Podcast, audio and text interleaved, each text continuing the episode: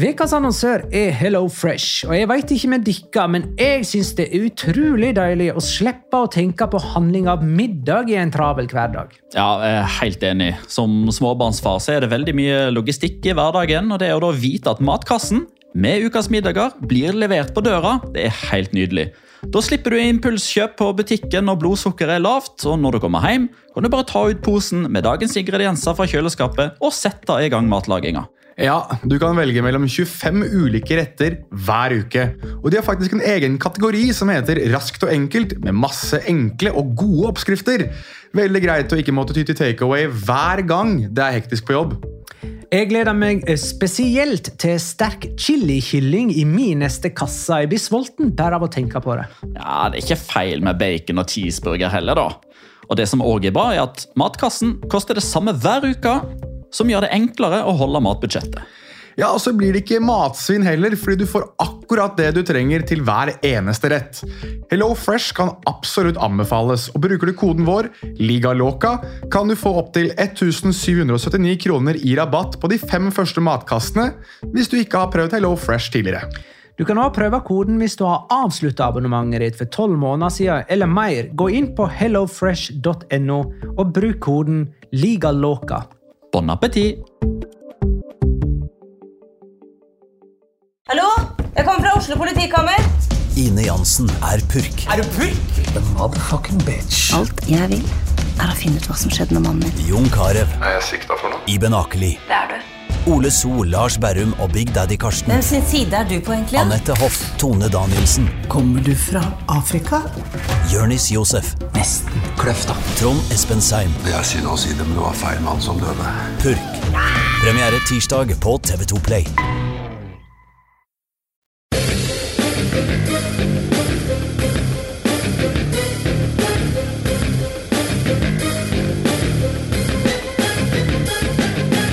Har du sett? Klokka er litt over fem på overgangsmarkedets siste dag, og det er visstnok veldig spennende.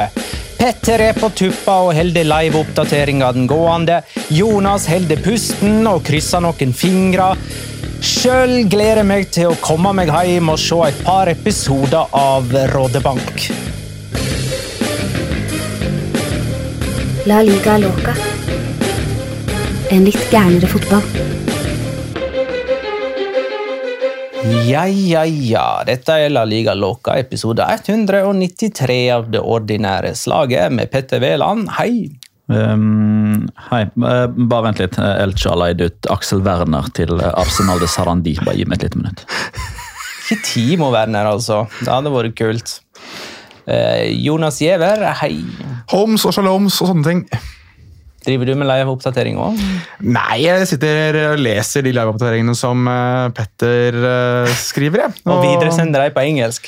Ja, litt det. Du tar en fjørtoft? Litt sånn Nei, Ja, ikke, ikke helt sånn. Jeg syns uh, for øvrig at uh, Petter sin, sin oppdatering i dag har vært uh, spot on. Um, Men du har i alle fall oppdatert oss på hvor hen Aubameyang er.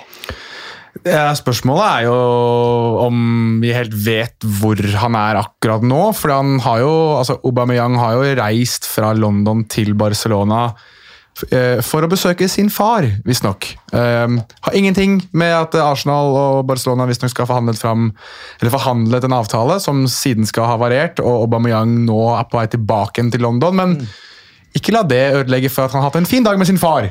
Og med meg, Magnar Kvalvik. Hei. Hei, Magnar! Jeg har sett Hallo. to sesonger av Rådebank og har ennå ikke begynt på tredje. Og det kan jo jeg se fram til. Er det, er, det, er det noen deadline days i Rådebank, eller er det ikke det? Nei, det er veldig lite fotball. Ja, nei, jeg trodde livet var eh, at det er Livet er fotball, ja. ja. Det er masse biler og damer og gutter der nå. Hun bryr seg vel om damer? Men, nei, i fiksjon så bryr vi oss. Å ja. ok. Nei, vi er mer på staute fotballkarer. Det er det som I hvert fall i dag, på denne dagen, så er det veldig mye snakk om det. blir mye overgangspreik eh, i dagens, eller denne ukas ordinære episode av La Liga Loca, eh, selv om vi ikke har alle svar helt enda. Det er jo eh, knappe sju timer til det stenger. Ja, det er jo ved midnatt, da. Ja. Som det gjerne er. Men da kan vi jo bare nevne først som, eh, som siste at alle de spørsmålene vi kunne komme til å stille oss sjøl, og alle de påstandene vi kommer med, eh, de blir eh, saga av undertegnede i en La Charla, som da spilles inn i det øyeblikket overgangsvinduet blir lukka. Så hvis du ikke har blitt Patrion ennå, gjør det. Ja, for Markus Sjong lurer på om det kommer en ekstra podkast som tar for seg de største overgangene etter overgangsvinduet er stengt. Du fikk jo svar der, da. Mm. Det blir på Patrion. For Patrioner. Le Patrion. Og da er det jo også verdt å ta med at Petter hadde faktisk en forhåndsepisode som kom ut i dag. Ikke episode, det var tekstform. Var det tekstform? Ja. Ok. Ja, nei, men, Petter Takk for at du følger med, Jonas. jeg, har ikke fått, jeg har nok med å lese meg opp på alt mulig annet sjøl. Jeg, jeg vet sånn, sikkert alt av det du hadde der fra før. av. Før vi går i gang med dette overgangspreiket, så kan vi jo ta siste nytt. Litt sånn hva som har skjedd eh, i uh, forbindelse med spansk fotball siden sist.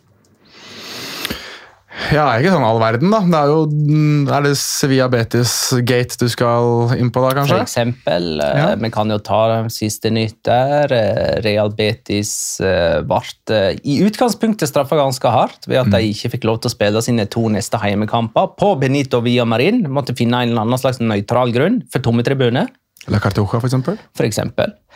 Men så anka de, og den endelige beslutningen er nå At de får spille på Benito Villamarin for uh, ganske mange mennesker, men ikke full kapasitet, fordi Grada Sur, som altså da er den tribunedelen der uh, idioten som kasta dette PwC-røret sto, det blir stengt. Så en, uh, skal vi tippe da at det blir en mellom ja, 65 og 70 kapasitet, kanskje. Ok.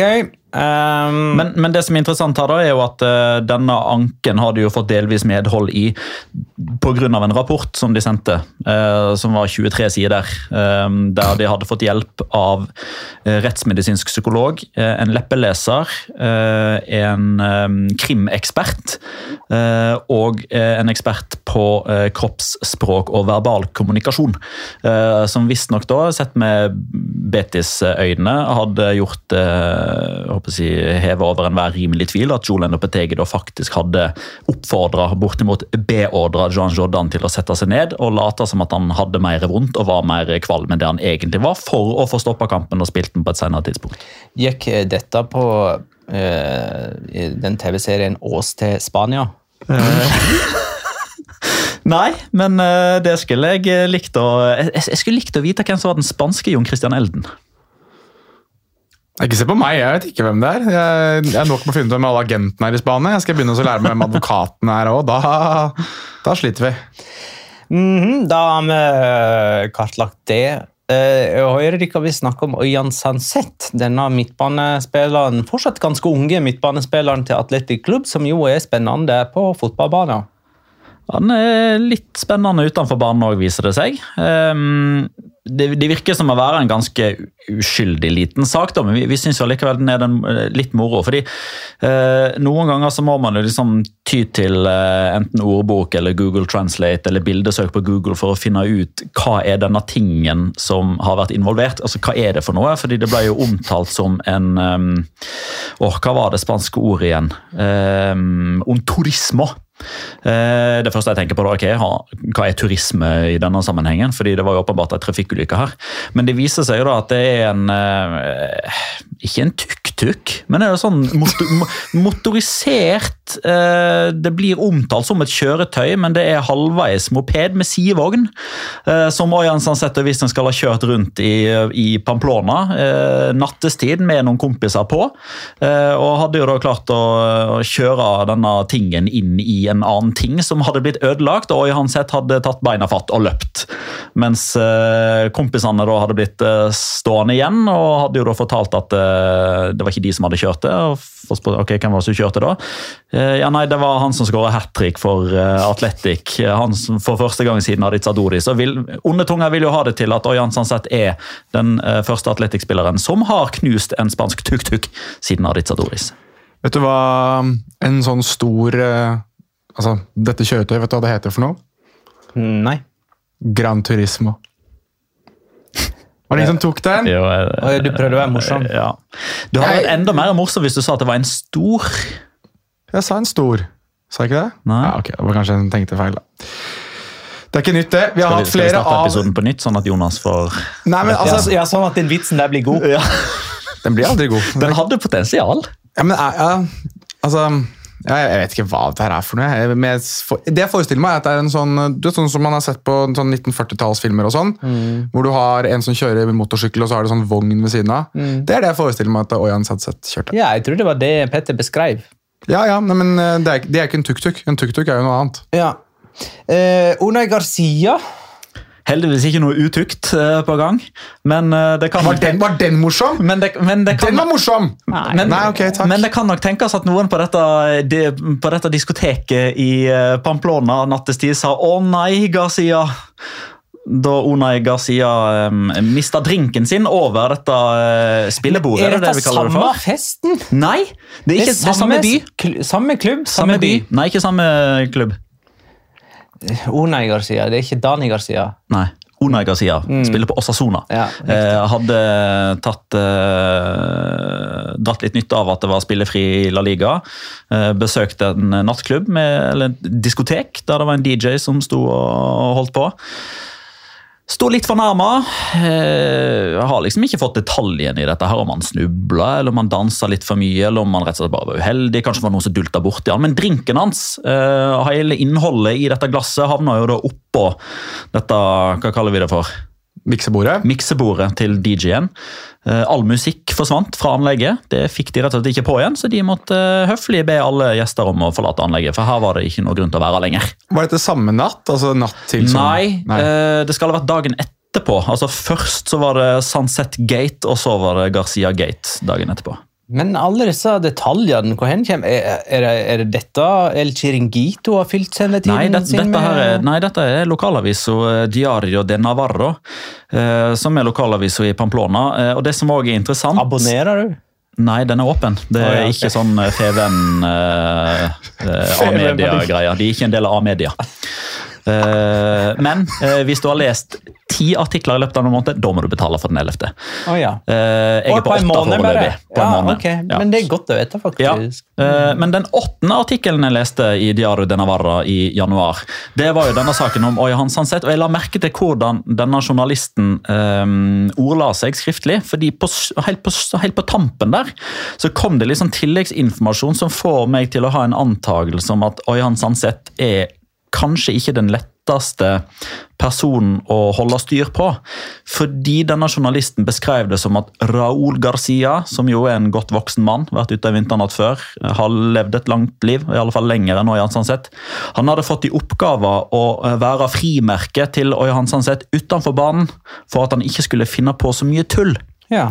Så hvor var Raúl Garcia natt til fredag, da Oi Hans Hanseth kjørte det som ikke var en tuk-tuk i gatene i Pamplona? Altså, Nå må Raúl Garcia komme seg på jobb igjen. ja. Uh, men er vi ferdig med siste nytt da, eller? Jeg vet ikke om det er noe sånn uh, veldig mye annet da. Altså, alt som har stått i spansk presse som ikke har med overganger å gjøre, de siste 48 timene handler jo om. Rafa Nadal.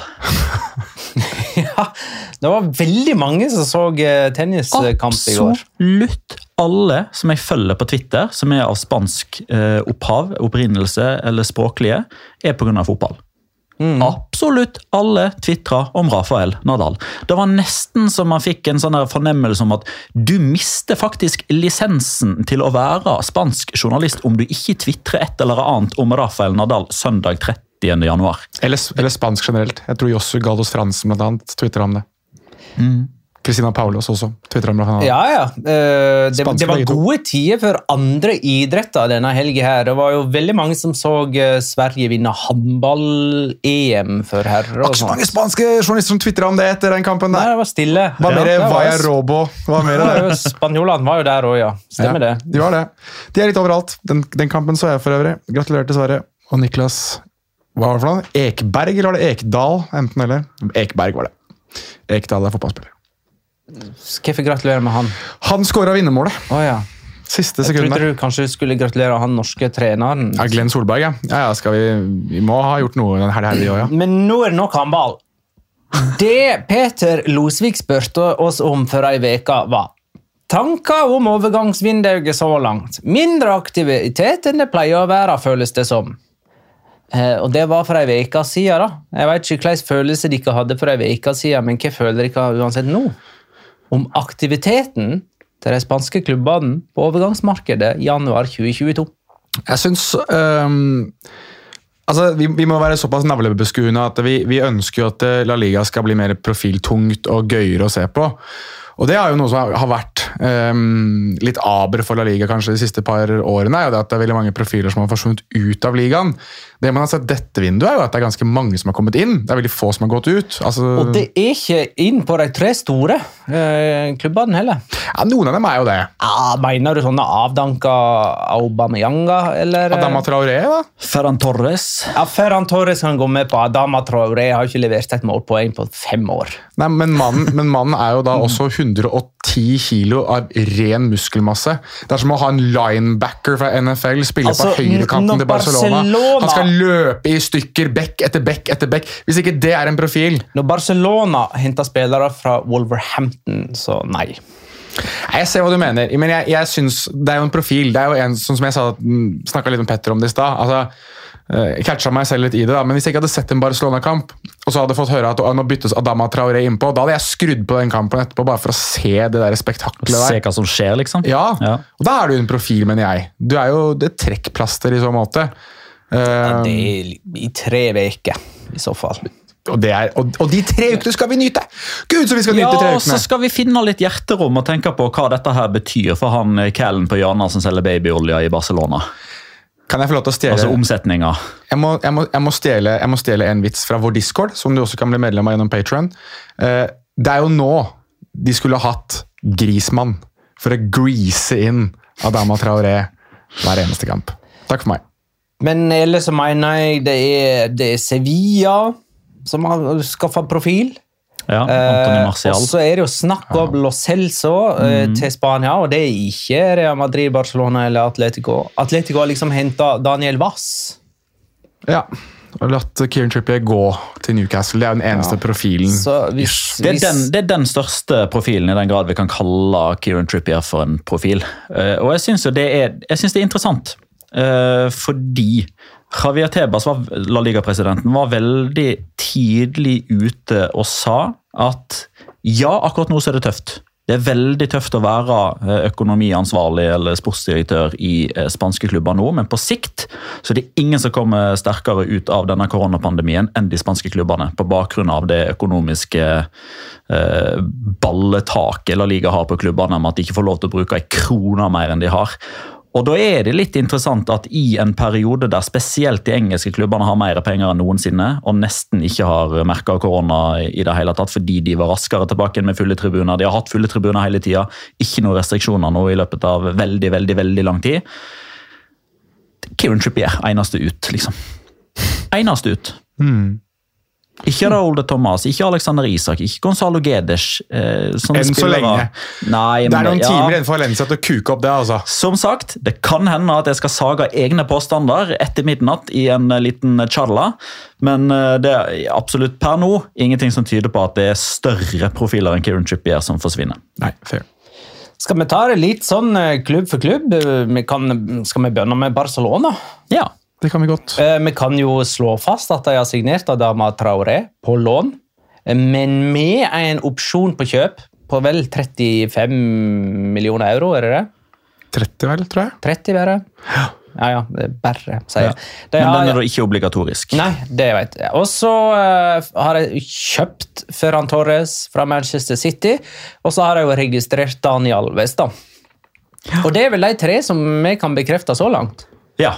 Um, og så er det jo her på mange måter det. Det største spørsmålstegnet er da, med fem og en halv time igjen av, nei, seks og en halv time igjen av, av overgangsvinduet. Fordi Det store dramaet. Ja, som vi har liksom vært inne på. Aubameyang tok jo eh, visstnok på eget initiativ flyet til Barcelona tidligere i dag.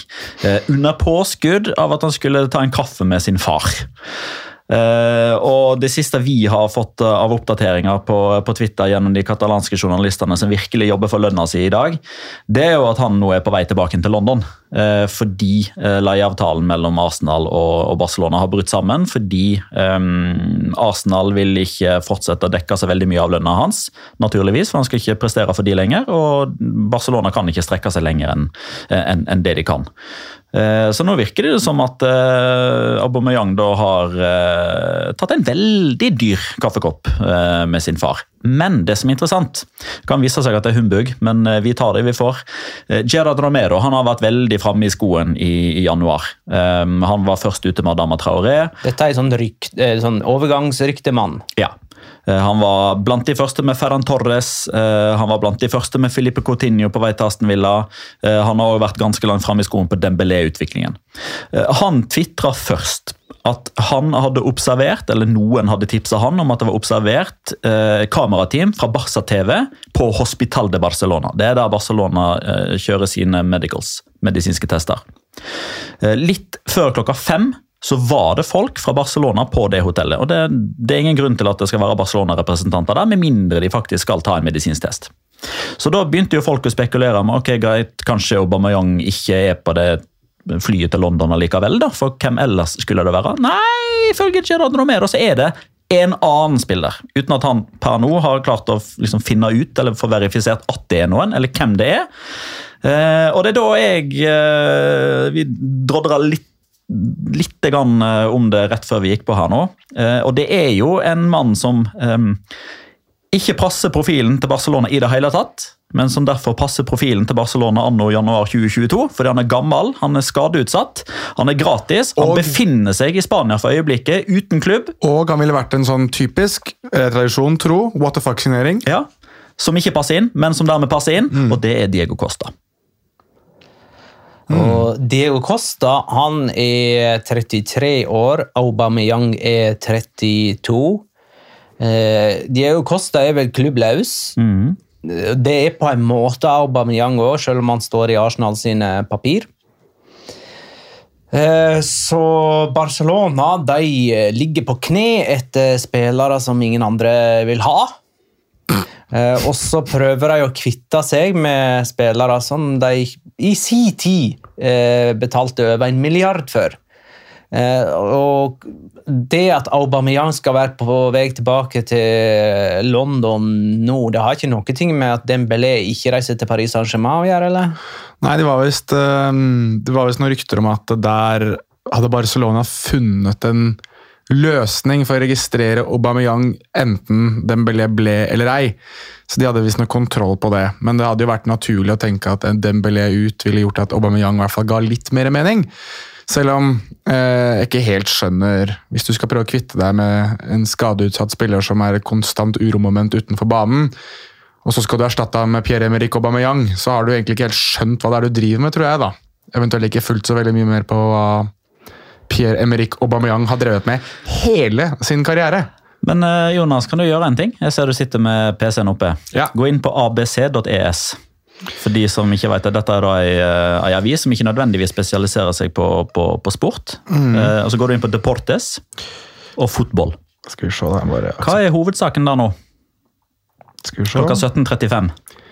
Deportes fotball. Dembélé Kasi Echo con Chelsea.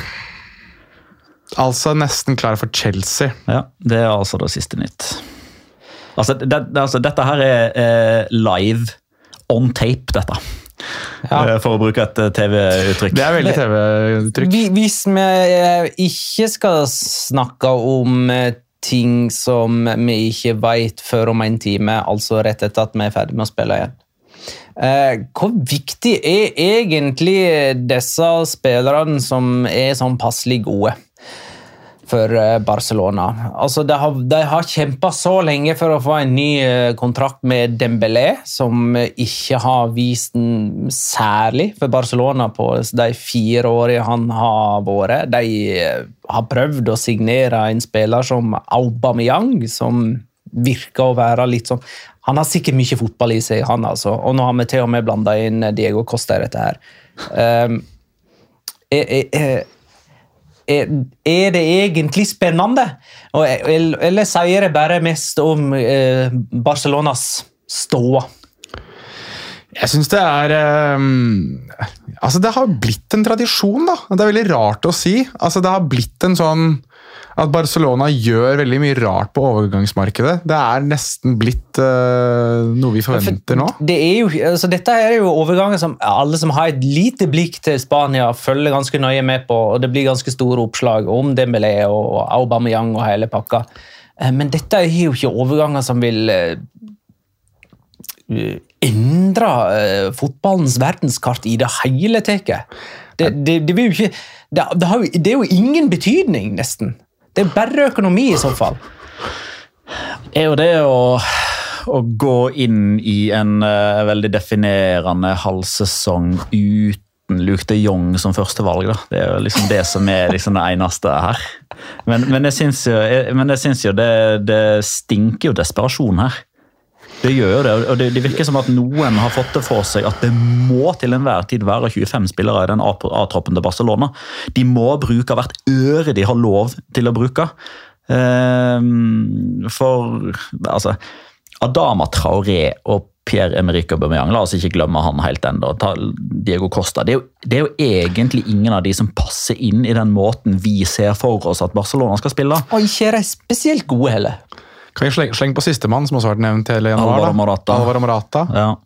Men så er inne på spillere som ikke er spesielt gode. Jo, men, men, men der, der kan vi godt uh, være enige om at han øh, sikkert ikke er god nok. Men Morata kunne på mange måter gitt litt mening, med tanke på at han øh, etter hvert nå har uh, fått en del evner i det oppbyggende spillet som en link-up-spiller. Altså Aubameyang og Adama Traoré, for å ta de to, da, altså hva er det de trenger mest av alt for å kunne prestere for å være den beste utgaven av seg sjøl? De trenger det Barcelona ikke har når de spiller fotball, og det er rom. Ja. Nei, Jeg er helt enig, men, men samtidig så må jo de må jo se noe i disse Jeg vil jo håpe da, de iallfall ser et, altså sånn, De kan ikke bare Ja, sitte og ja, tenke men hva altså- er tilgjengelig, vi må bare ta et eller annet. Ja, jeg, jeg vet det, og, og jeg er òg eh, veldig fan av sportsdirektører og trenere som klarer å tenke plan B, plan C. Men jeg tenker, hvis Chavi har en plan A som er å trene fotball sånn som han spilte fotball, det er jo det vi har sett i begynnelsen nå. Den, den røde tråden er kanskje vanskelig å få tak i, men at det er rødskjær i, i fargen, det er det ingen som helst tvil om. Han, han ønsker å praktisere en form for tikki-taka med de begrensningene spillermaterialet setter. Men han har jo allerede en form for plan B med Luke de Jong. Så hvorfor skal man da ha enda en sånn form for plan C-materiale med hurtigtog i bakrom, liksom? Ingen plan A, men jeg har en god plan B og C. Eh, Xavi skal for øvrig sjøl ha sagt for 18 måneder siden det, til. Metro at eh, Aubameyang er god på store flater. Barcelona trenger spillere som er gode på små flater. Ja, der ser du. Eh, ja, ja, ja. Lurer på om Dembélé er på en måte et av de største eksemplene på, på hvordan det går med, med, med unge fotballspillere som blir prisa langt ut av uh, fatning, altså. Ja, du, kan, du skal kanskje inn på de nå etterpå, men du, Atletico Madrid er jo også en, en type der i Joao Felix som har Ja. blitt priset langt over evne. Men Dembélé har jo på en måte da slitt med kosthold, han har blitt konsollavhengig, har eh, gått rykte om kommer for seint på trening. Det virker som liksom dette, denne franchisen eh, som har på en måte blitt klessa i trynet på han, har blitt mye for Han Han har blitt en eh, konsollfrik. Ja. Ja, det hadde vært litt gøy hvis, uh, hvis Dembélé endte opp i PSG, da, syns jeg.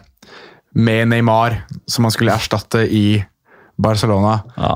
Da, eh, da tror jeg eh, Pochettino må få et eller annet som er reseptbelagt, altså. Det, han er stakkar, nei, stakkar.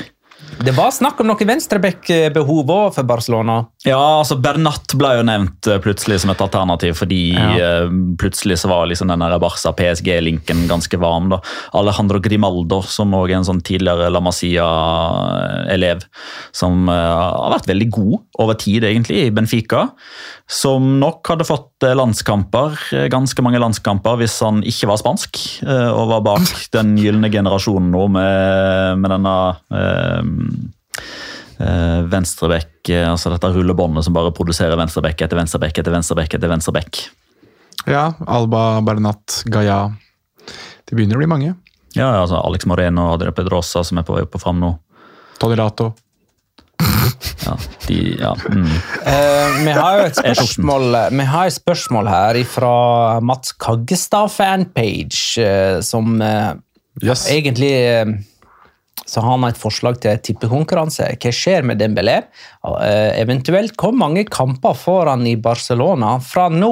Jeg tenker vi kan ta det resten av denne sesongen, Ja, kan vi jeg, si. jeg tipper han blir en nøkkelspiller. Jeg. Eh, jeg tipper Barcelona nok en gang må gjøre en eh, sånn 360 og ikke stå for det som blir sagt. Og så står Laporta til slutt i mai, når Dembélé har sikra topp fire. Hva var det jeg sa? Han er bedre enn Mbappé. Ja, jeg eh, tror òg han blir, og jeg sier at han spiller ti seriekamper herifra og ut resten av sesongen. Jeg eh, sier ikke noe om eh, fjerde- eller femteplass, altså. jeg får være kjerringa mot strømmen, jeg, da. Jeg tror ikke han er Barcelona-spiller når vi skriver 1. februar. Eh, Da har jeg skrevet det. Og det er vel ikke noen kamper som spilles i dag, så det betyr at han får null kamper. Eh, Nei, Nå det, har eh, Javi Mata, som er den eh, mest eh, troverdige um, Viareal-journalisten, for ett minutt siden tvitra 'Lo tenemos'. Altså i overført betydning vi har Giovanni Lo Celso. Å ja, sånn ja. Mm. Lo tenemos. hvem var det som hadde han? Villarreal. Giovanni Ja. Lo Celso. Eh, hvis eh, mm, du, kjære lytter, kan høre mobiler og sånn som vibrerer her inne i, i bakgrunnen av stemma vår, så er det fordi at Jonas og Petter uh, har sånn der varsler på mobilene sine om overganger og offisielle eh, Det er helt riktig. Uh, Det har jeg ikke så det er ikke min telefon. Eh, skal vi Du snakke om lever i et sånn der evig helvete du, nå den timen her nå med oss. Dette, dette er det, alt det du La oss si vi har igjen en halvtime, da. Ja, ja Da har du en halvtime i skjærsilden igjen, Magnar. Ja, og så kan jeg reise hjem Og så på Rådebank. og se på Rådebank. Kanskje spille litt Fifa. Kanskje du finner Osman Dembélé på en online Gjør du overganger på Fifa, eller er du sånn fullstendig eh, Nei, ingen overganger der Jeg kjøper spillere, men eh, før eh, siste overgangsdag. Nå ble du litt hyklersk i, mine øyne. Litt. Du må jo kjøpe spillere, men jeg kjøper, jeg kjøper alltid billig. Jeg er en Monchi-type, da, kan du si. Ja. Kjøper alltid billig og selger dyrt. Det, det er et sitat jeg kommer til å huske no, fra, fra Jeg er Fifas Monchi. Jeg er en Monchi-type, kan du si. Det er, det er faktisk det Roar med skarre her. Her må vi få opp ei, eh, en montasje med ei snakkeboble her. Ja, Roar med skarre her, eller eh, noen andre. Det er jo kanskje ikke så vanskelig å få meg til å ligne Monchi heller, Nei, skal jeg faktisk. Nei, nei, nei her, er vi, her, her er mulighetene mange. Skal vi ta, apropos Monchi, snakke om Sevilla? Det kan vi gjøre. Flinke dem. Klarte å beholde både Diego Carlos og Julius Condé i enda et vindu, ser det ut til. Ja, det er sånn typisk greia med Sevilla. Altså, Alle skryter av det de ikke har gjort på overgangsmarkedet, nemlig å selge. De solgte ikke Condé i høst, og de selger ikke Diego Carlos nå. Så Nei. det er liksom styrken deres. da. Men hei, de har jo klart å hente Premier League-profiler i løpet av det siste halvåret. Nå kan man, eh, altså, Da tenker jeg på Lamela som eh, har slitt med skade og ikke fått gjort så mye av seg. Og så har jeg henta Martial på lån, og der eh, ser jeg ikke at det er noe Uh, opsjon ennå. Eller det, det er ikke noen opsjon på han. Nei, det Det er er vel bare det. lån ut sesongen. Det er Rent lån, ja. Og så får man vel se hvordan det der går. Det er jo selvfølgelig vrakgods i United, da. Ja, jeg tror ikke det er bra, jeg. Jeg tror det er en dårlig overgang. Ja, det var det jeg lurte litt på, egentlig. Har ikke de nok spisser? Jo, det er det jeg tror. Hvor skal han inn? Altså, Martial må jo mest sannsynlig ha gått på lån med en tanke om at han skal spille, men han er jo venstrekant i Manchester United, eller der han har spilt en del. Der har ikke Papo Gomez gjort seg bort eh, den siste tida. altså. Og på spissplass har du Rafa Mir og Nesiri, som altså, så Og så har de henta han Tecatito, eller Corona. Han spiller nå på venstre. Han skal nok spille høyre, egentlig. Okay. Det er nok en høyre-bekk-høyre-kant. Man kan spille venstre òg, men Tecatito er vel mer ja, mer påtenkt høyre enn venstre. Men han kan spille, han kan spille der, han òg, for så vidt. Og da er liksom spørsmålet Martial er ikke i form, tydeligvis. Han må spille seg i form. Sevilla har spillere som er i form. Sevilla trenger spillere som er i form for å prestere, for å potensielt utfordre Real Madrid for La Liga-tittelen. Du kan liksom ikke, du har ikke noe tid her, tenker jeg. Marcial har ikke masse tid på seg til å komme litt i den formen som vi har kjent ham fra i Manchester United. Og la meg korrigere meg selv og bare få sagt, at det her er også påpekt, Martial i form er nok den beste angrepsspilleren Sevilla har per nå. Hvis du får Martial i toppform, så er han den beste. Ja. Men han er langt unna det. Og da skjønner jeg ikke hva poenget er med å Hadde de hentet han i sommer og lånt han en hel sesong, kjempesignering. Nå Altså, liksom det jeg føler kanskje øh, altså, Jeg har, jo både sett det sjøl, men òg lest masse rapporter på at en del av utfordringene til Martial har vært at han har ikke nødvendigvis vært sprudlende, altså glad. Ikke nødvendigvis den som har altså Han har ikke vært en kavan i det defensive arbeidet da når han har spilt, og det er jo noe som Loppetegi er ekstremt opptatt av, å få alle elleve til å angripe og alle elleve til å forsvare seg. Eh, men samtidig så er det sånn, det er kjempestor oppside her. Ikke nødvendigvis så veldig stor nedside. Det er, selvfølgelig, det er litt sånn lønn som, altså Han går jo rett inn på lønnstoppen sammen med Ivan Rakitic. Så en, en viss prestisje legger de jo selvfølgelig i det, men um, ok, skulle det vise seg at Martial ikke fungerer, så er det liksom sånn Ja, ok, greit, nei, men da, da forsøkte de det. Men de har, jo, de har jo forsøkt dette her sånn noenlunde før. da. Jeg får litt sånn, Det er ikke samme posisjon, men jeg får litt sånn Samir Nasri-vibber. altså Kanskje navnet er større enn Kanskje prestisjen ved å få eh, pennen til å touche papiret med blekk er større enn det man faktisk får ut på gressmatta etterpå. De skryter veldig på Twitter over hvor mange nye følgere de har om dagen. For hver, ja. for hver nye sånn 10 000 følgere så kommer det en ny tweet. Og på den forrige nye 10 000 følgere så, så takker de Manchester United. Ja, ikke sant. Men, men altså, jeg, jeg, jeg er jo i utgangspunktet litt sånn fan av overgangen. La meg pirre litt av den, fordi jeg ser i likhet med Jonas her at i form så er han bedre enn alle de han har, eh, han har rundt seg. Um, og så ser vi jo òg da et eh, Sevilla som viser fingeren til Chelsea, Tottenham og Newcastle i løpet av en seksmånedersperiode til begge stopperne. Altså, det er ikke- snakk om at de skal svekke sjansene til omsider å kunne klå Real Madrid. Uh, så henter de Tecatito Corona for 3 millioner euro og leier inn Anthony Martial med ganske stor potensiell oppside her. Og de legger det til Lucas Ocampos, Rafa Mir, Josef Enesiri, Papo Gomez, Erik Lamela, Soso. Dette er spillere de siste her har vi kanskje glemt litt fordi de har vært ute med skade såpass lenge, men alle er i siste fasen av, eh, av skaden sin. Um, så den, den troppen Uh, den gjengen med soldater som Lopetegi begynner å få tilgjengelig nå inn mot uh, andre halvdel av sesongen, altså, den er mektig, altså. Eh, Andreas Seipa Jørby skriver noen sjanse for at Diego Carlos forlater Sevilla til fordel for en eh, Premier League-klubb. La oss si Spurs. Neste sommer, godt mulig. I løpet av januar nå. Jeg tror de lurte. Jeg tror uh, Diego Carlos tok en god gammeldags Sergio Ramos à la Manchester United på Newcastle. Jeg tror han har brukt interessen til Newcastle for å få Sevilla litt mer opp i ringa på noen forhandlinger der. Det har vært snakk om at der har agent og klubb vært i forhandling om ny kontrakt, og da Newcastle kom på banen, så var det sikkert ikke feil i det hele tatt å få Sevilla til å tro at eh, Diego Carlos vil til Newcastle. Jeg vet ikke hvorfor eh, Andreas eh, foreslo Spurs. Jeg er jo, kanskje han er Tottenham-fan, da, men er ikke Tottenham det laget som alle bare sier nei til?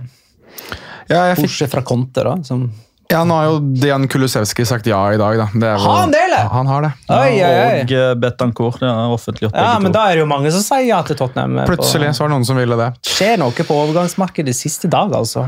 Men det er jo Hvem litt skulle trodd? Men, men, jo, men altså, det, det er jo litt gøyere, for det er det at Tottenham signerer da, Kolosevski og eh, Bentancourt, betyr jo at Brian Hill og Giovanni Lo Celso Ja. returnerer til Spania. Ja, ja.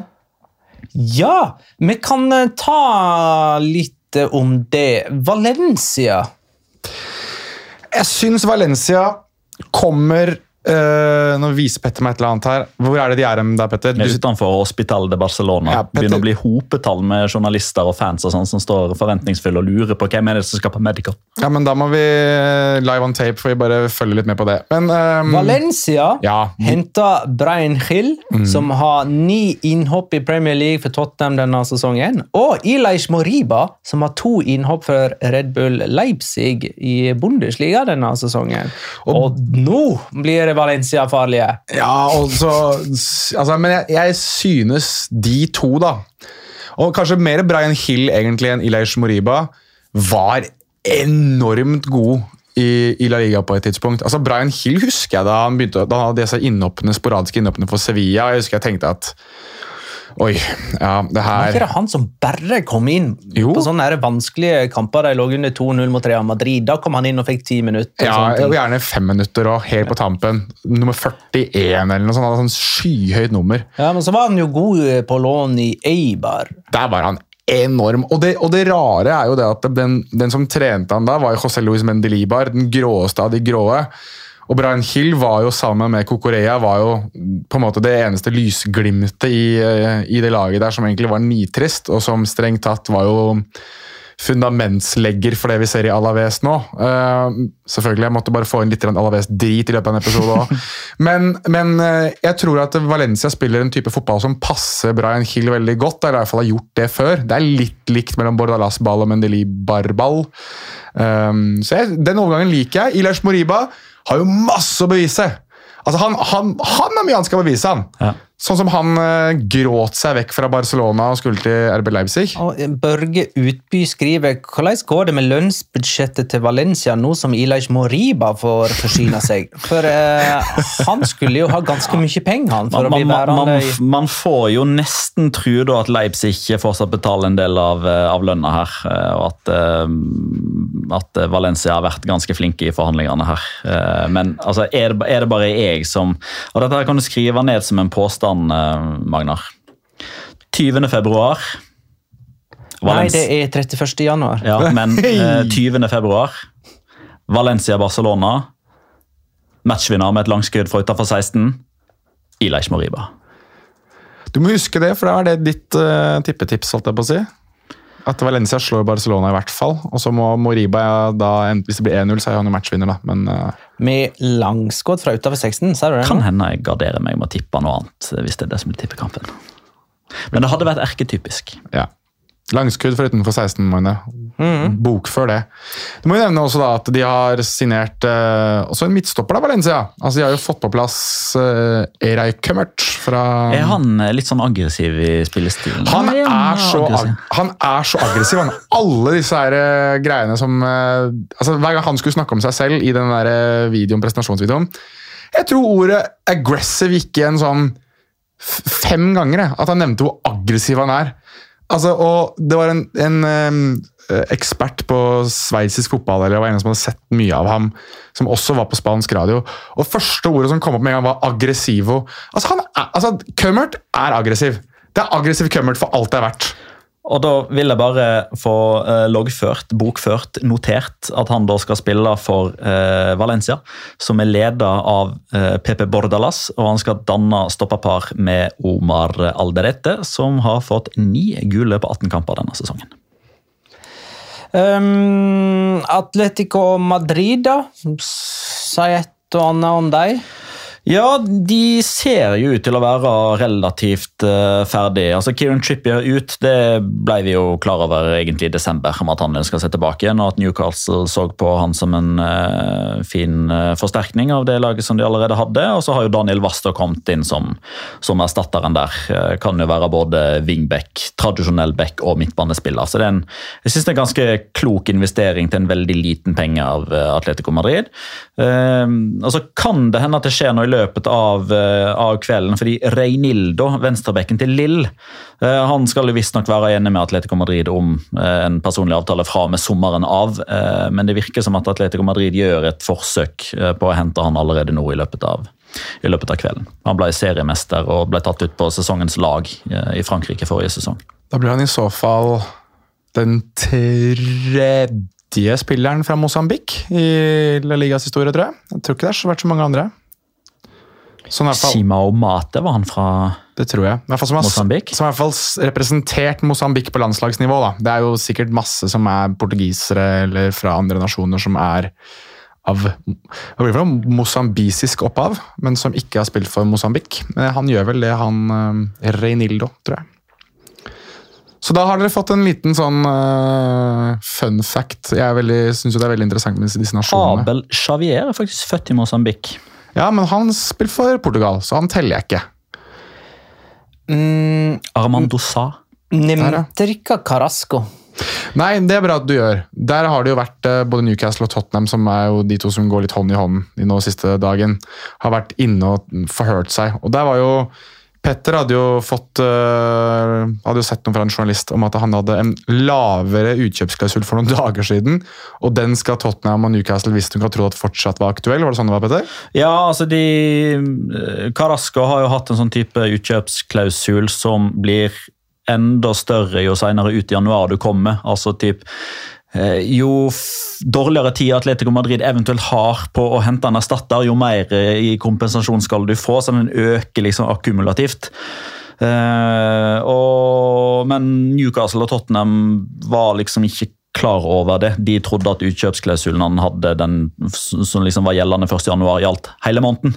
Eh, Så når de da tok kontakt, eh, visstnok da ifølge Pedro Fuenjana, eh, så fikk de liksom bakoversveis når de hørte at eh, nei, det var ikke den prisen han var tilgjengelig for allikevel. Atletico Madrid og Barcelona de møtes jo de nå i kommende serierunde. Ja. Søndag klokka fire ish. Kvart over fire. Tenk deg at Diego Costa debuterer mot Atletico Madrid. Hæ? Se på den. Hæ? Det er på kamp nå, og der har jo ikke Atletico vunnet under Diego Simione. De har ikke vunnet der siden 2006. Og Atletico er altså nummer fire. Poenget framfor Barcelona, som er nummer fem. Så Det er på en måte kampen, det. Å se fram til. Det er jo det. Eh, jeg tenkte kanskje vi skulle um, si noe om Real Madrid for sin skyld. Ja, jeg kan godt gjøre det. Eh, Det er vel strengt tatt det du har nevnt der. Det er liksom ikke så veldig mye mer. For de, har jo, de gjorde unna handelen sin for noen år siden. De, de har liksom vært fornøyde ganske lenge, i alle fall siden de fikk eh, Alaba i sommer. Og, Ja, det, det overgangsvinduet som gjelder for Real Madrid, det er jo sommeren 2022. Det, der er det jo Altså, Kylian Mbappé er jo åpenbart uh, nummer én, og så spørs det jo da om de f.eks. skal ha Haaland også. Um, for uh, dette med Kylian Mbappé, han er 23 år og har kontrakt som går ut i sommeren. Så Ja. han kan signeres nå, Ja. men gjeldende fra sommeren. ja. Ja, vi har vel eh, Vi har jo snakka om dette her litt sånn stykkevis og delt. Jeg, jeg står Men det, og der er det jo bare Unnskyld for at, at jeg avbryter nå, men er der er jo på en måte ikke fristen i, i dag. Nei, nei, nei, på- nei, den på ingen kan jo egentlig signeres uh, når som helst. Definitivt. Uh, Men jeg føler liksom at den, uh, Ikke nødvendigvis elefanten i rommet, men det som liksom er den store greia her, er jo at Real Madrid og PSG skal møtes i Champions League. Så før de kampene så har ikke Kylian Mbappé noe som helst å tjene på å si verken det ene eller det andre.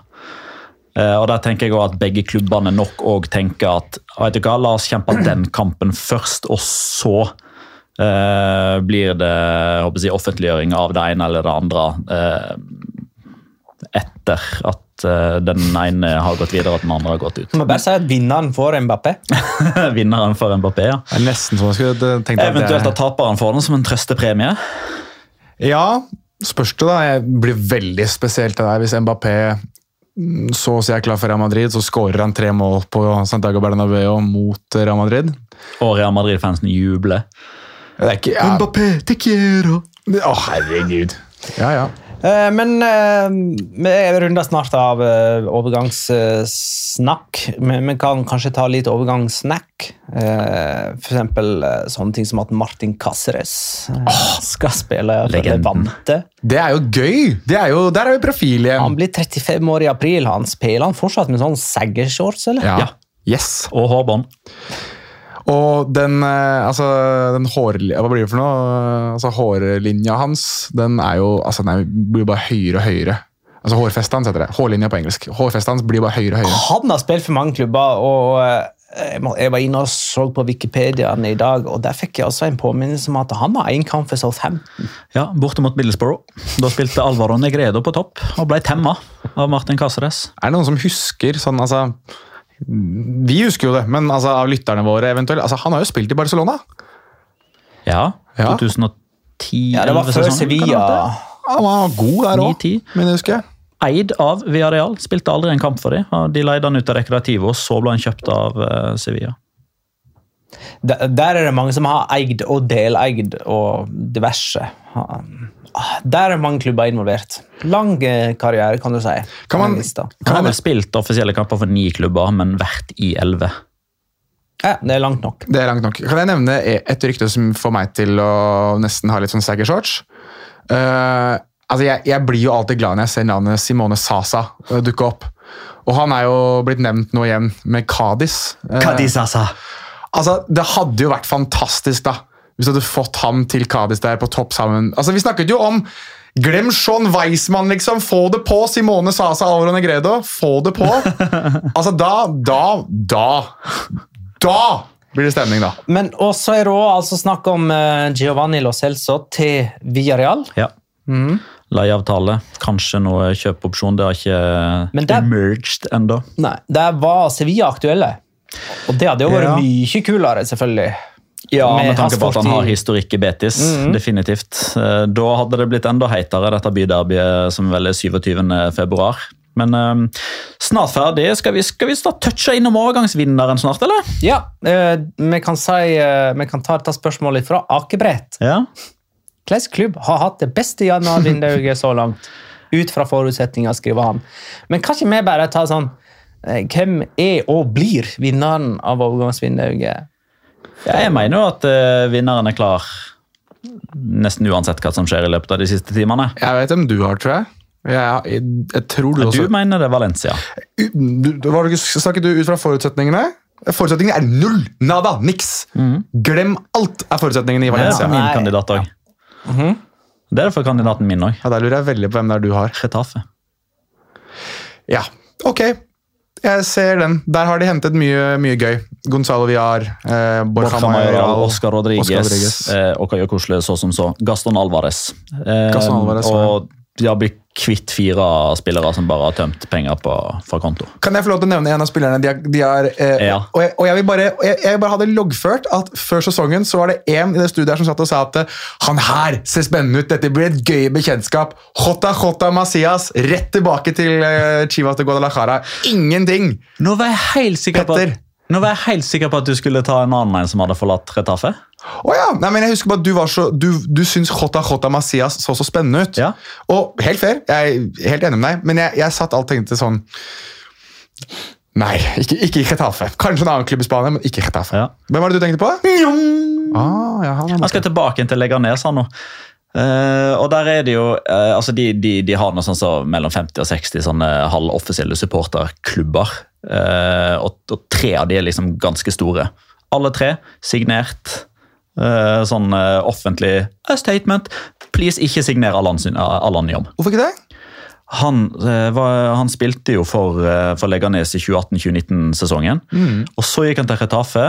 Og Retafe Leganes er jo mini-hatoppgjør. altså Det er jo dels jeg håper å si, altså, drabantbyklubbene som hater hverandre, som kjemper om å være fjerde størst bak Atletico Real Madrid og de, Eh, og i, jo, jo, eh, og i Jo, det, det stemmer vel kanskje? ja, det gjør det. Rayo. Ja, ja, ja. I popularitet eh, og størrelse osv. Eh, og i oppgjøret mellom Leganes og Retafe, eh, og dette var et, et tidspunkt der begge klubbene sleit mot nedrykk, altså var en ordentlig nøkkelkamp, sekspoengskamp i ordets rette forstand. Hvem skårer 0-2 etter 19 minutter og feirer på en måte som er type Emmanuel Adebayor-provoserende framfor Leganes-fansen. Han løper bort og bare, ah, og bare nei, nei, nei, nei, det var ikke her jeg skal feire. Så sånn at man løper tilbake en tilfeldigvis forbi og gestikulerer bort til Retafe-svingen, som er liksom på andre sida. Han hadde jo òg den herre eh, Jeg har jo spilt Fifa noen år. Fifa 94 så kunne du springe ifra dommeren som ville gi deg Ja. gult kort. Ja. Den tok han jo Den tok han, og han uh, hadde jo òg han som eh, fikk framprovosert Hvem var Ajax-spilleren som gjorde det? Var det Ryan Babel? Ryan Babel. Som, eh, som parodierte filminga til Allan Nyam live. Men jeg kårer Sevilla til vinnere, da. Så bare sånn for å dele litt. Ja, nei, men jeg, Ja, men jeg tenker Vi har topp tre der. altså, Retate Ja. Sevilla, Valencia. Det, det, Det jeg tenker jeg vi har. Ok. Og Sevilla de møter jo, um, bare som for å ha nevnt Fotball? altså Fotball. De, ja, snakka litt fotball, og, og det som på en måte er en tittelduell mellom Sevilla og, og Real Madrid. Eh, Sevilla møter Osasuna borte lørdag. Og da har jo de fått eh, endelig litt eh, hvile. De har hatt, eh, fått tid til å få tilbake noen som hadde positive koronatester. De har handla nye spillere, og da er det meget typisk at de avgir poeng mot det tredje dårligste heimelaget i La Liga, nemlig Osasona, som bare har to heimeseiere. Nå skal du få en teaser til um, Patrion-episoden som jeg syns alle burde gjøre seg klare for når Petter lager den eller Challa-episoden som kommer. Nå står det på fra El Chiringuito, så skriver de, skriver de og de siterer uh, Pedrerol at, eh, som du var inne på, Magnar, og Petter også for så vidt, at Real Madrid og Mbappé kommer ikke til å offentliggjøre sin enighet for slutten av sesongen. Og så står det under, uten at de sier hva, at Pedrerol sier senere skal jeg fortelle dere noe om Haaland. Så da kan Petter viderebringe hva Pedrerol hadde å fortelle om Haaland i den Patreon-episoden. Og Real Madrid de møter Granada hjemme søndag eh, kveld. Så vi fikk vi lov til å reklamere litt for Patreon. Synes jeg er viktig at vi gjør. Veldig bra. Eh, vi kan jo si et og annet om segundadivisjonen. Det var jo fotball der i helga. Det var det. Serieleder er i segunda. Det er Eibar som slo Uesca hjemme. Eh, der er jo uh, Eibar, det er jo Gaiska Garitano er jo trener der nå. Den tidligere atletikktreneren er tilbake der han først gjorde seg kjent. Han kan rykke opp med Eibar for andre gang. Stojkov skåra begge mål for Eibar. Uh, dessverre ikke Risto, men han andre Stojkov.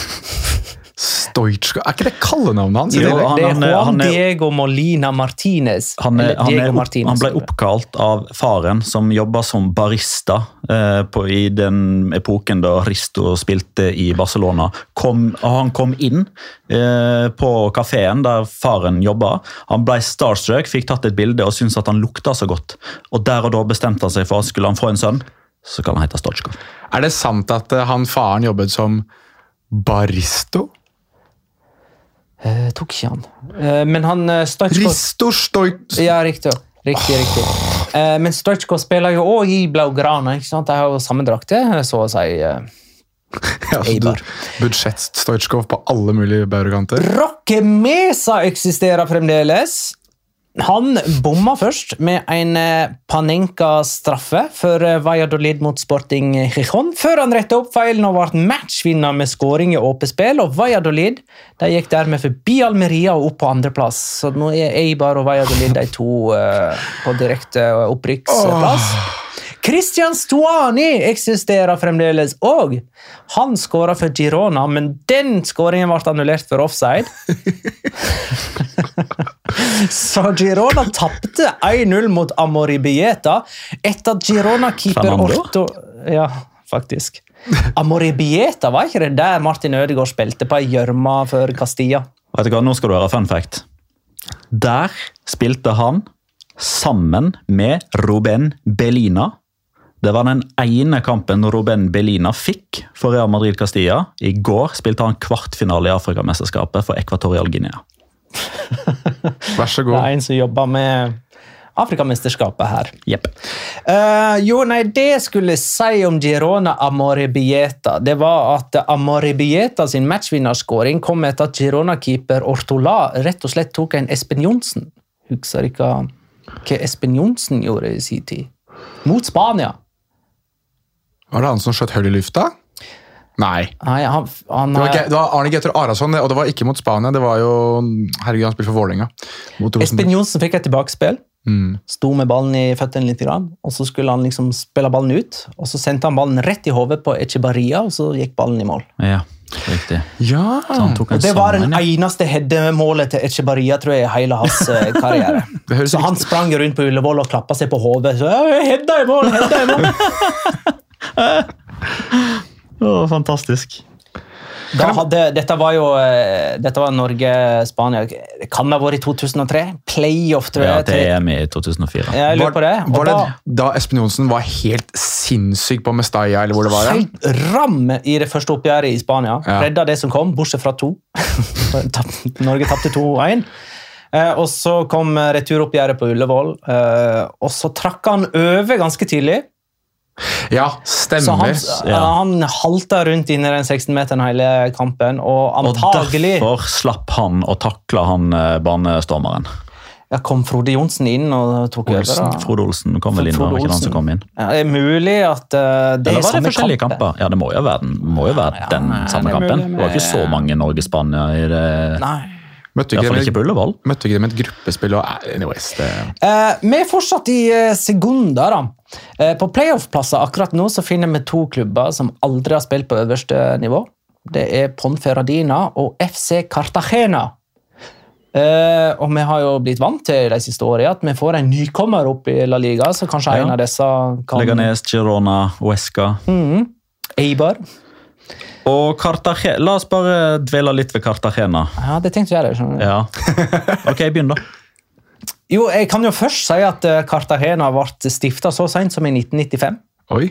Eh, Men det er en slags etterkommer av Cartagena FC. altså Nå heter det FC Cartagena. Eh, Og gjett om gode gamle Ruben Castro frem- fremdeles eksisterer. da. Fy søren. Han er 40 år og har skåra 15 mål for Cartagena denne sesongen. To av dem nå i helga. Og han har dermed runda 300 mål som profesjonell. Ja, det er helt riktig. Han har skåra i Han har skåra i 224 forskjellige kamper i primære og sekunder.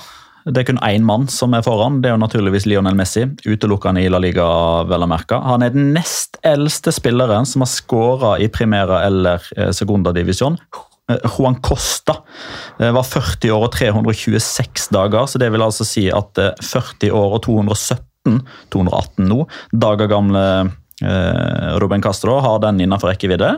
Så han skåra i mai, juni. Ja, ish. Da, da er han foran. Um, og så er det La Liga en direktor som har en ganske sånn fin sånn uh, statistisk eh, greie her. Og det er jo topp ti um, toppskårere i eh, historien hvis man slår sammen Primera og eh, Segunda. Eh, da har du jo én Lionel Messi, han har spilt på landslaget. To Cristiano Ronaldo spilte på landslaget. Tre Kini spilte på landslaget. Fire Telmo Sarra spilte på landslaget. Fem Ruben Castro har aldri spilt på landslaget. Seks César Rodrige spilte på landslaget. Hugo Sánchez på det meksikanske landslaget. Pahinho Raúl på det spanske landslaget. Og Alfredo Di Stefano som spilte for alle landslag i hele verden. Jeg sitter og ser på den troppen til Cartagena. Det er så mye sånn La Liga-rask som har blitt bare samla sammen der. Det er altså så mange navn som du ikke hadde forventet å se noe sted, egentlig. Pedro Alcalá ser jeg. Pablo de Blasis. Uh, Shinji Okasaki har klart å ende opp der. Han signerte også for to spanske klubber samme sommer, vel. Var ikke han eh, signerte ikke han for Malaga? og så gjorde han plutselig ikke det likevel. Da signerte han vel for Wesca istedenfor. Mm. Apropos Uesca, Alex Gallar, som skåra det Alex første ligamålet i Uesca i, i historien. er det. Gaston Silva. Gassos, ja, Antonito er der, som var innom Valladolid, vel. Richard Boateng. Antonio Luna. Åh, Antonio Luna, ja. Ja, Mm. han skal vi jo kanskje ikke nevne. Alberto de la Veia er der. Det er jo en eh, gammel kjenning, han også, for så vidt. Eh, I hvert fall sist jeg husker han så var vel Las Palmas, var det ikke det? Mm. Ja. Ja. Men det, men, det, men det som liksom er ehm, Sebastian Kristoffer Sorry, jeg bare så ja, Beklager. Det ja, bare eh, men, men det som jo er storyen i Segunda nå, da, er jo at Almeria ser ut til å, eh, til å snuble igjen. Altså, De var jo suveren serieleder eh, så sent som i da, begynnelsen av desember. eller noe sånt. Og det er jo han Turk al-Sheikh som driver og herjer nede på solkysten der nå med signeringsvideoer. og Han var han som publiserte bilder på Twitter og Instagram med alle verdens største kjendiser Ja, en, en periode. Han skulle jo liksom ta Almeria opp, eh, og han var, veldig, han var veldig høyt oppe rundt juletider. Var det han Nå som prøvde å bytte, han prøvde, poeng siste fem. han prøvde å bytte logoen deres og sånn nå? var det Ja, ikke ja, det? han- ja. Har ikke han prøvd å gjøre det til en løve eller noe sånt? Det var noen sånne syke greier han holdt på med på et tidspunkt. Ja. Vi får dessverre ikke rapportert om hvordan det gikk med Ibiza, for det at de spiller denne mandagen klokka 21 med Paco Remes sitt eh, Ja, det er en drittklubb. sin, sin, som trener. Eh, De har altså vunnet tre av tre kamper og skåra 13 mål siden han eh, tok over. De møter Real Saragossa, som på sin side er på plassen over nedrykksstreken. Og vet du hva Ibiza har nettopp offentliggjort på sin Twitter-konto? De har signert. Nei, Nei, ikke en signering. det er faktisk ikke noe å ha med overgangsvindu å gjøre. Tenk, Ibi, tenk øya Ibiza, liksom. Hva forbinder du med det? De har solgt henne til Saudi-Arabia. Nei, eh, de har, eh, de har kommet med en eh, anmerkning. eh, At fansen må komme tidlig. Fra klokka 20.00 så er det en DJ som skal stå for underholdninga på stadion. Ai, ai, ai. Det er Paco Hemes. som- Kan jeg få ta hvorfor jeg kaller det en drittklubb? for så vidt også? Sikkert noen som lurer på det. Veldig kjapt. De, hadde jo, de er jo litt, det er litt kontrovers rundt Ibiza akkurat nå. De har jo Du vet sånn som noen klubber gjør, hvor du kan hvor de lager sånn Bak på drakta så kan du på en måte si, skrive hvilket tall du vil ha, og så et navn, og så lager de en grafikk til deg som du kan bruke som bakgrunn på telefonen din. Eksempel altså, Magnar 10, da. Så det ser ut som det er liksom baksida på drakta, slik at man kan bruke det på telefonen. Uansett. De fikk veldig mange til å gjøre det samtidig, og det var jo noen varianter man fikk etter hvert der. Og en av disse variantene, jeg kommer ikke til å repetere det, men det er noe veldig rasistisk. Og klubben svarte med å lage det. Så det sto da dette rasistiske slurret med et eh, draktnummer på ryggen. Og det, blir, det ligger ute ennå. De har ennå altså ikke slettet den tweeten hvor de da legger ut en grafikk hvor det står dette ordet med draktnummer. Som svar til en som hadde lyst på det. All right. Mange drittklubber på Ibiza òg. Det er det helt sikkert. Det er det helt sikkert. Vi skal tippe Ja. på Barcelona, Atletico Madrid. Kan jeg bare få sagt det? At Vi satt nesten en time her og snakket om overganger. Men da Segunda-praten starta, da våkna du til live. her. Der har jeg gjort litt research. Ok, ja, bra. Ja, men du var bare så, jeg bare la merke til at entusiasmenivået bare steg Jo, jo, det, var- som det var en klubb mye på Ibiza. gøyere Så å jobbe med det i helgen enn overganger, for å si det sånn. Det er lov. Eh, Barcelona, Atletico Madrid.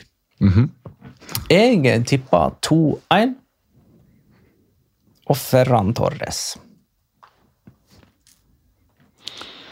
Barcelona, Atletico Madrid eh, De sparker selvfølgelig bein på hverandre. Den er 1-1. Eh, Og første målskårer blir Diego Co- Nei. eh, Jeg har lyst til å si det selv. eh, første målskårer blir uh, Joao Felix. Jonas?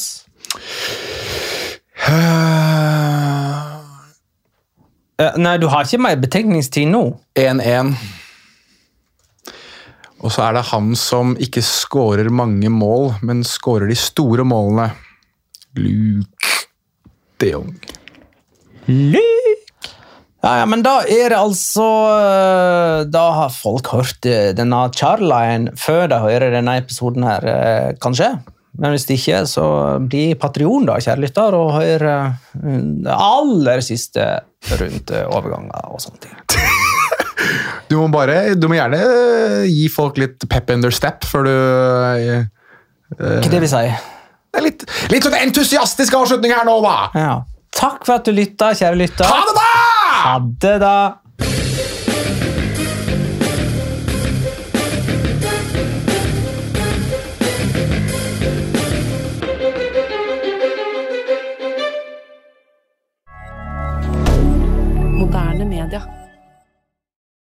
Har du et enkeltpersonforetak eller en liten bedrift? Da er du sikkert lei av å høre meg snakke om hvor enkelt det er med kvitteringer og bilag i fiken, så vi eh, gir oss her, vi. Fordi vi liker enkelt.